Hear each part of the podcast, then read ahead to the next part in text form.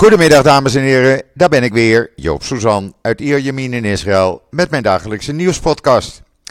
Eerst maar even het weer, want het water, het regenwater, komt met zulke enorme hoeveelheden, ze zeggen wel eens met bakken tegelijk uit de lucht. Nou, dat is al sinds gisteravond, zaterdagavond aan de gang. En het blijft maar doorgaan. Het zal uh, mogelijk in de loop van de middag iets gaan afnemen. Uh, maar er, zijn zoveel, er is zoveel water gevallen dat hele wijken zijn afgesloten. Er zijn overstromingen in een heleboel plaatsen. Ook hier in het oude centrum van Netanya. Straten die ondergelopen zijn. Uh, als je op mijn Twitter-account kijkt, zie je een filmpje van iemand die aan het kajakken is in Regovot. Uh, ja, het is elk jaar dit. Dus ja, veel paniek is er niet. En uh, wat ik zeg, het neemt dus af. Het wordt wel koud. Het is nu nog maar 10 graden. En het wordt vannacht uh, in Jeruzalem zelfs rond of net onder het vriespunt. Op de Golan is al bijna 30 centimeter sneeuw inmiddels gevallen. Dus vanaf morgen kunnen mensen weer skiën. Morgen gaat het open namelijk. Dinsdagavond komt de regen weer terug. Woensdag krijgen we enorme bakkenregen opnieuw. En donderdag zou het dan weer droog zijn. Typisch Israëlische winter. Altijd in de maand januari en begin februari hebben we dit. Je moet er even aan wennen. Maar ach, uh, over een paar weken dan uh, stijgen de temperaturen weer. En dan wordt het weer lekker weer. En het land heeft het nodig. Helemaal, het is vanavond Toebuswat. Dus het uh, feest van de bomen. En dan worden de bomen geplant. Daar heb je ook water voor nodig. Ja, en dan de gijzeling in Texas. Want die heeft uh, veel mensen, niet alleen in Amerika, maar vooral ook in Israël bezig gehouden. Een moslimterrorist, ja, ik zeg het maar hoe het is. Die uh, ging naar een synagoge in Texas en wilde daar, ja, hield hij de rabbijn en drie gemeenteleden in gijzeling. het hele verhaal staat op israelnieuws.nl, inclusief video's met geluidsopname en video waarop je ziet hoe de mensen uit het uh, gebouw komen uiteindelijk. Hij is doodgeschoten door het uh, FBI SWAT-team. Ja, dan heb je ook geen rechtszaak meer nodig. Hij wilde de vrijlating van uh, iemand die bekend staat als Lady Al-Qaeda. Ene mevrouw Afia Siddiqui. Die uh, zit 83 jaar gevangenisstraf uit voor de moord op uh, uh, een aantal Amerikaanse militairen. ja, en dan, dan blijf je dus gewoon aan social media gisteravond gekluisterd zitten. Dan volg je dat op de voet, je kijkt CNN en dan denk je, waarom, waarom elke keer weer opnieuw een synagoge? En dan schoot me opeens te binnen gisteravond dat de gemeente Amsterdam het plan heeft opgevat om de beveiliging van Joodse gebouwen en instellingen terug te gaan schroeven. Nou, ik zou mevrouw Halsema uh, willen oproepen: uh, doe dat niet, want je ziet wat er van komt. En uh, Amsterdam staat niet op een eiland. Ook daar kan het gebeuren. er zijn vroeger, of in het niet al te lange verleden een aantal pogingen gedaan. Dat is gelukkig uh, door de beveiliging tegengegaan. En je zou er toch niet aan moeten denken, doordat de gemeente Amsterdam denkt wat geld te besparen, dat er uh, een synagoge of een Joodse school of een gebouw waar een cultureel Joods gebouw waar een gijzeling of een aanslag zal plaatsvinden. Alleen maar omdat mevrouw Halsema vindt dat uh, beveiliging best teruggeschroefd kan worden. Uh, ik ben daarop tegen en daar blijf ik op tegen. En als je, als je ziet wat er gisteravond in Amerika is gebeurd en de afgelopen nacht, ja, dan kan je alleen maar zeggen: helaas, helaas is beveiliging van Joodse gebouwen en instellingen nodig. En wie was dan die lady Al-Qaeda? Die dan uh, uh, ja, vrij zou moeten komen. Nou, dat is een Pakistaanse neurowetenschapper die in 1990 met een studentenvisum naar Amerika kwam. Studeerde aan de Universiteit van Houston. Daarna aan het MIT, eh, waar ze driemaal studeerde biologie, antropologie en archeologie, die drie vakken. Promoveerde bij de Brandeis Universiteit. En eh, ja, kreeg een gearrangeerd huwelijk met Amjad Mohammed Khan. Eh, ze heeft eh, twee zonen en een dochter. En na de aanslagen van 9-11 eh, wilde ze weer naar Afghanistan verhuizen. Dat is dan ook gebeurd. En ging de Taliban helpen om tegen de Amerikanen te vechten daar. Uh, ze was betrokken geraakt bij extremistische groeperingen. Trouwde in 2003 na een scheiding met het vermoedelijke Al-Qaeda-lid Ammar al-Baluchi. Die weer een, ne een, neef is van het meesterbrein achter de 9-11 aanslagen. Een meneer Khaled Sheikh Mohammed. Uh, ja, en zij was dus betrokken bij een complot volgens de FBI om aanslagen te plegen in Amerika, Engeland en Pakistan. Uh, en uh, ja, later is ze opgepakt. Ze kwam op de lijst, de FBI-lijst van zeven meest gezochte voortvluchtigen. Is later opgepakt in Afghanistan door FBI en Amerikaanse soldaten. Uh, heeft toen uh, tijdens haar verhoor geweren van Amerikaanse soldaten afgepakt en op hen geschoten terwijl ze Alu Akbar riep. Uh, ze werd daarna ontwapend, nou ja, en uh, daarna dus veroordeeld tot 83 jaar gevangenisstraf. Maar het was allemaal niet haar schuld, alles is een Joodse samenzwering wat er gebeurt in de wereld volgens deze dame. Goed, dat is dus voorlopig even beëindigd. Maar je ziet dus hoe belangrijk het is dat dit soort figuren achter slot en grendel blijven. En dan, uh, ja, uh, de cijfers van Omicron, ze blijven stijgen in Israël. Gisteren ook weer boven de 50.000. Er waren 299.000 mensen getest. 14,75% uh, test positief. Er zijn nu 273.072 actieve viruspatiënten, waarvan er 386 ernstig ziek zijn. Dat blijft stijgen. Eh, donderdag waren dat namelijk nog maar 308 patiënten. Er zijn er 115 in kritieke toestand, met 92 van hen aangesloten aan beademing. Sinds donderdag zijn er 11 mensen aan het virus overleden en hebben we nu 8.304 doden. Volgens professor As, die zei gisteravond op Channel 12 nieuws. Uh, volgens hem zijn het veel meer besmette actieve patiënten.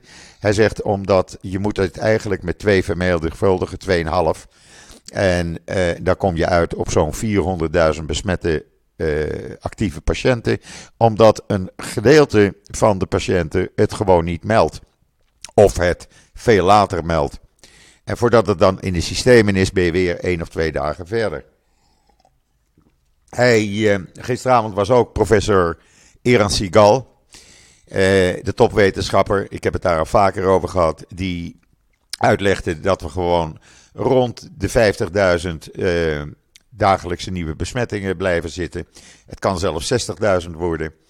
Daarna, uh, hij verwacht dat dit nog een hele week gaat duren. En dan volgende week, in de loop van volgende week, gaat het dus afnemen. Uh, hij verwacht ook dat we tussen de 650 en 850 ernstige patiënten in de ziekenhuizen zullen zien. Uh, ja, kijken wat daarmee mee gebeurt. Uh, op dit moment is het nog zo dat het overgrote deel van de patiënten in de ziekenhuizen niet gevaccineerd is. Dat is meer dan 90% De rest heeft onderliggende ziektes vaak waardoor ze dus niet helemaal beschermd zijn. Inmiddels is er hier in Israël het dringende advies: blijf zoveel mogelijk binnen. Ga niet naar grote bijeenkomsten. Ga niet winkelen als het nodig is. Uh, we moeten even deze twee weken doorheen. Uh, u kunt het in Nederland waarschijnlijk, ja, in Nederland zag ik gisteren ook rond de 35.000 besmettingen. zal daar ook gaan oplopen. Het is die Omicron en je doet er verder niks tegen dan alleen maar voorzichtig zijn en de NH95 mondkapjes dragen. En dan was er een man hier in het nieuws in Israël en die claimt dat nadat hij hersteld was van uh, COVID-19, hij was niet gevaccineerd, uh, zou zijn geslachtsdelen met ongeveer 3,5 centimeter gekrompen zijn. Hij zegt, uh, hij heeft daar ook een brief over geschreven naar een Amerikaans magazine. En met bewijs. En hij zegt, hoe kan dat? Leg mij dat eens uit. Nou, het schijnt dat dat vaker voorkwam. Of voorkomt. Maar ja, ik heb er verder uh, hier in Israël weinig nog van gehoord. Maar ik vond het wel een leuk berichtje om even te noemen. En dan uh, uh, die, dat medicijn inverme, invermectine. Dat blijkt niet effectief te werken tegen COVID-19. Althans, volgens een Amerikaanse studie. Het wordt in Amerika nog wel vergoed door de verzekering. Maar eh, onderzoeken eh, door een team van de Universiteit van Michigan en de Boston Universiteit hebben uitgewezen dat het niet werkt. Dan weet u dat. Ja, en dan hebben we hier in Israël de inflatie die het hoogste is uh, in de afgelopen tien jaar. We hebben over 2021 een inflatie gehad die uitkwam op, uh, op jaarbasis op 2,8% Net binnen de uh, lijn die de Bank of Israël had gesteld van 3% 1 tot 3% Alleen al in december was de inflatie 0,7 En ja, dat heeft alles te maken met die enorme prijsstijgingen van voedsel, schroeisel, kleding, huisvesting. nou ja, noem maar op. het is wereldwijd. Het, Israël is niet alleen daarin. Uh, dan heeft een Israëlische studio, de Sarit Shani Gai Studio, de prijs gewonnen voor de meest coole kinderruimtes in ziekenhuizen, hotels en musea. Kijk even op israelnieuws.nl, u ziet daar de foto's en het ziet er echt leuk uit. Wat dat betreft, uh, ja, is het logisch dat zij het gewonnen heeft. En dan, ja, het gaat er steeds meer naar uitzien dat uh, de komende dagen er een pleidooi-overeenkomst getekend wordt tussen justitie en oppositieleider Netanyahu. Uh, het blijkt dat uh, Netanyahu ervoor voelt. Hij gaat ervan uit van de huidige procureur-generaal. Die zit nog tot het eind van de maand op zijn zetel. En daarna gaat hij met pensioen. Dus de tijd is rijp om dit te proberen. En zekerheid te hebben niet in de gevangenis terecht te komen. Uh, ze zouden over een heleboel al overeenstemming hebben bereikt. Hij heeft als bemiddelaar de vroegere president van het Hoge Rechtshof Aaron Barak ingeschakeld, Netanyahu. Die heeft met uh, uh, Mandelblit, de procureur-generaal, gesproken. En men is het uh, over de meeste punten wel eens. Alleen waar men het nog niet over eens is, dat in die overeenkomst ook het woord morele schande zal worden opgenomen. Als dat wordt opgenomen, dan kan Netanyahu zeven jaar geen politieke functie uitoefenen. Er zou een tussenoplossing zijn en die zou erin uh, uit, bestaan dat er dus wordt gezegd: oké, wij tekenen die overeenkomst. Het is aan de rechtbank of het Hoge Rechtshof om deze overeenkomst te bekijken, goed te keuren. En als de rechtbank of hooggerechtshof zegt: wij willen morele schande erin, want anders uh, uh, keuren we deze overeenkomst niet goed, dan, nou, dan komt dat erin. En dan kan je alsnog zeven jaar geen politieke functie uitoefenen. Het blijkt volgens bronnen die Channel 12 nieuws had gesproken dat de familie van Netanyahu, zijn zoon en zijn twee zoons en zijn vrouw, uiteindelijk akkoord zouden zijn met een dergelijke overeenkomst. Uh, Netanyahu heeft altijd volgehouden van ik heb niks buiten de wet gedaan, er is niks, ze vinden niks. En dat zal in de rechtszaak bewezen worden. Nou, als iemand dus een pleidooi-overeenkomst wil tekenen om uit de gevangenis te komen, of daar niet in terecht te komen, laat ik het zo zeggen, dan is er dus echt wel wat. Binnen de Likud is inmiddels de strijd aan de gang om de opvolging van Netanyahu. Uh, want het heeft natuurlijk een heleboel uh, uh, consequenties. Niet alleen voor de Likud. ik zal dat zo in het kort verder uitleggen. Maar ehm, het is zo dat er natuurlijk in de Likud een aantal mensen zijn die zich al hebben uitgesproken van nou, wij willen de nieuwe leider worden. Is voormalig minister van Financiën Israël Katz. Dat is Nir Bakat, een miljonair die ook in de Knesset zit namens de Likud. En uh, dat is Julie Edelstein, de voormalige minister van Volksgezondheid. Ja, wie het dan wordt, dat is uh, ja, in de toekomst, de komende toekomst. Want het gaat allemaal razendsnel op het ogenblik. Maar er is nog een consequentie. Het zou namelijk een consequentie kunnen hebben voor de huidige coalitie. Even een slokje water. Want wat is er namelijk aan de hand?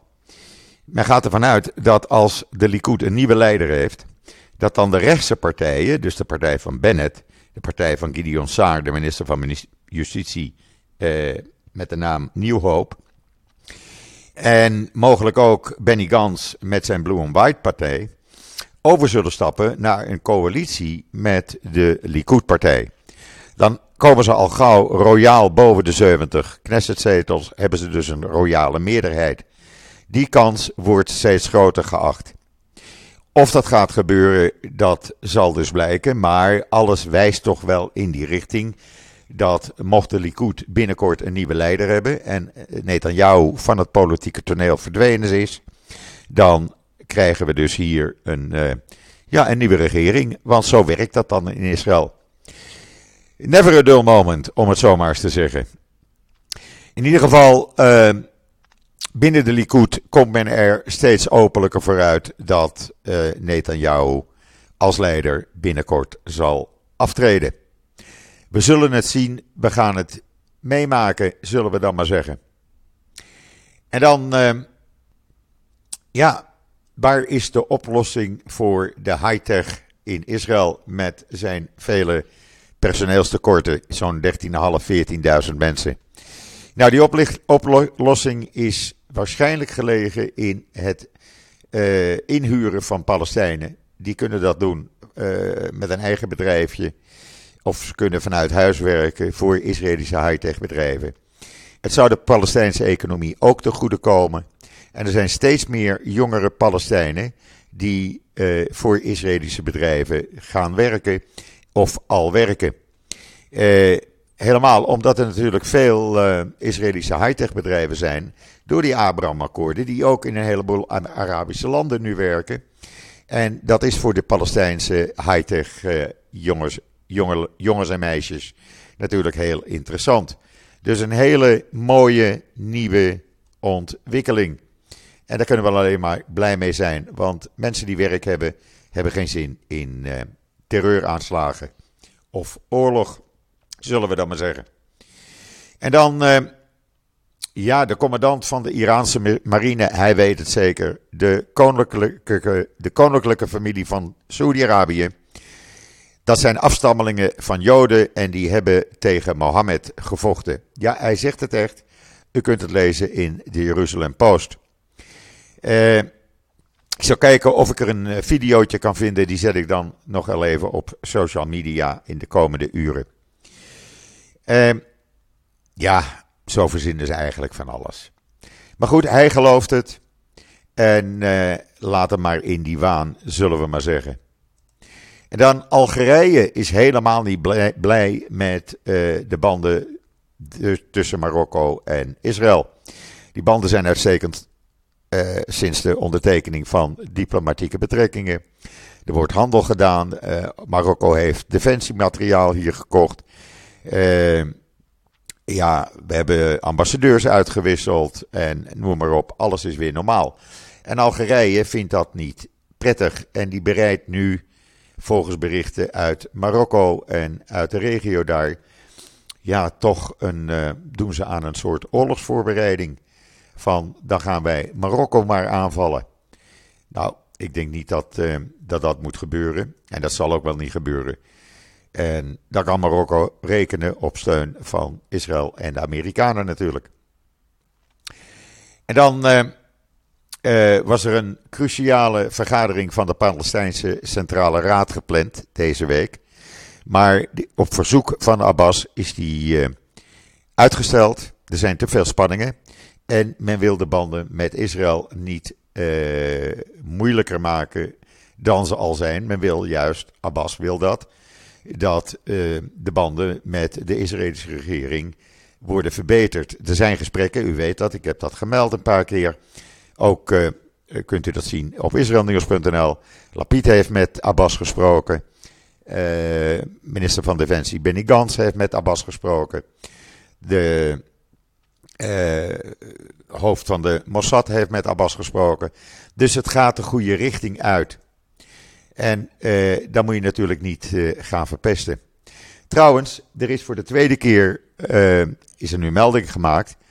Afgelopen donderdag zou er opnieuw voor de tweede keer een vliegtuig uit Libië een paar uur op Ben Gurion Airport hebben gestaan. Deze keer zou het een presidentskandidaat zijn die daarmee aankwam en geheime gesprekken heeft gevoerd met de Israëlische regering of de Mossadbaas. De Mossadbaas had al met een andere presidentskandidaat uit Libië onlangs in Jordanië gesproken, in Amman. Eh, het zou zomaar kunnen, als die verkiezingen in Libië gedaan zijn, dan heeft Israël diplomatieke betrekkingen met Libië. Bereid u maar vast voor. En dan uh, uh, heeft, ik vind het wel belangrijk om even te melden, op Harvard heeft een onderzoeker gevonden wat de oorzaak is van MS, multiple, multiple sclerose. Ik zou er bijna van gestorten, sorry. Eh, daar lijden ruim 2,8 miljoen mensen in de wereld aan. Die is niet te genezen. Een van mijn broers heeft het helaas, is grotendeels verlamd daardoor. Eh, maar die onderzoekers in Amerika hebben ontdekt dat het wordt veroorzaakt door de infectie met het Epstein-Barr-virus. U kunt dat helemaal zien, uh, dat hele artikel op uh, Times of Israel. Voor, mocht u ervoor geïnteresseerd zijn. En dan, uh, ja, groot nieuws in Israël gisteravond. En nog steeds groot nieuws op dit moment. Volgens verschillende tv-zenders, Channel 12, Channel 13, heeft Israël in het geheim een deal gesloten met Libanon om het land te helpen aan gas. Libanon, een land waar we officieel mee in oorlog zijn en waar natuurlijk Hezbollah de dienst uitmaakt. Ja, dat land staat aan de rand van de afgrond. Israël gaat via Jordanië, een pijplijn schijnt er te liggen vanaf Jordanië via Syrië naar Libanon. Uh, Israël gaat het gas naar die pijplijn in Jordanië sturen. Jordanië zorgt voor de rest. En dat is om het land Libanon weer aan gas te helpen. Eh, Israël heeft genoeg gas. Het komt bij het offshore gasveld, het Levi Leviathanveld, hier eh, voor de kust, komt het gas vandaan. En gaat dan rechtstreeks naar Libanon. Eh, wat Iran daarvan vindt, nou, dat is niet zo belangrijk. En die hebben daar nog niets over gezegd. Maar Libanon, 6 miljoen mensen, het uh, heeft de grootste crisis ooit eigenlijk, kan je zeggen. Geld is 90% in waarde gedaald. Mensen hebben niets meer. En uh, dan moet je toch een beetje in deze koude winterdagen zorgen dat er uh, gas is, zodat je in ieder geval kan koken en je huis kan verwarmen. Israël heeft al tijden geroepen van wij willen Libanon helpen. Nou, nu gaat het daadwerkelijk gebeuren. Ik ben er trots op dat Israël dit doet en daar mogen we allemaal trots op zijn. Ja, dan giet het nog steeds van de lucht van de regen. Het zijn enorme buien. De, de straten staan blank hier bij mij. Maar goed, nogmaals, in de loop van de dag wordt dat minder. En dan nogmaals even, ik zei het al eerder. Mevrouw uh, Halsema, alsjeblieft, Haal die bewaking bij Joodse instellingen en gebouwen niet weg. Geld is minder belangrijk dan een leven. En als u dat anders ziet, als u geld belangrijker vindt dan de beveiliging van uw Joodse inwoners, dan bent u verkeerd bezig. Dat was het dan even voor vandaag.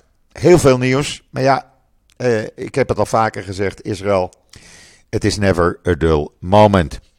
Ik wens u allemaal nog een hele fijne voortzetting van deze zondag, de 16 januari al. We zitten alweer over de helft mensen van deze maand. Uh, ik ben er morgen weer. Hou mijn uh, uh, social media in de gaten. Hou Israël nieuws in de gaten. Want er komt nog veel meer nieuws in de loop van de dag. Oh ja, dat ben ik bijna vergeten. we hebben een interview op Israël nieuws staan. Waarin Bas Belder gesproken heeft met het slachtoffer van jodenhaat in de, op de Universiteit van Maastricht. Eigenlijk kan je zeggen antisemitisme. En hoe is dat afgelopen? Hij heeft gesproken met een van de decanen. En hij is zeer pessimistisch uit dat gesprek teruggekomen. Eh, ga dat artikel even lezen. Wij zijn er nog niet klaar mee. We blijven hier bovenop zitten. En ik hoop dat de Nederlandse politiek dit ook gaat oppakken.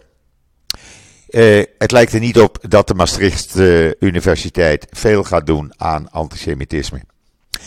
Dat was ik haast vergeten. Ik ben blij dat ik het nog even kon noemen. Nogmaals, allemaal een hele fijne voortzetting van deze zondag. Ik ben er morgen weer en zeg zoals altijd: tot ziens, tot morgen.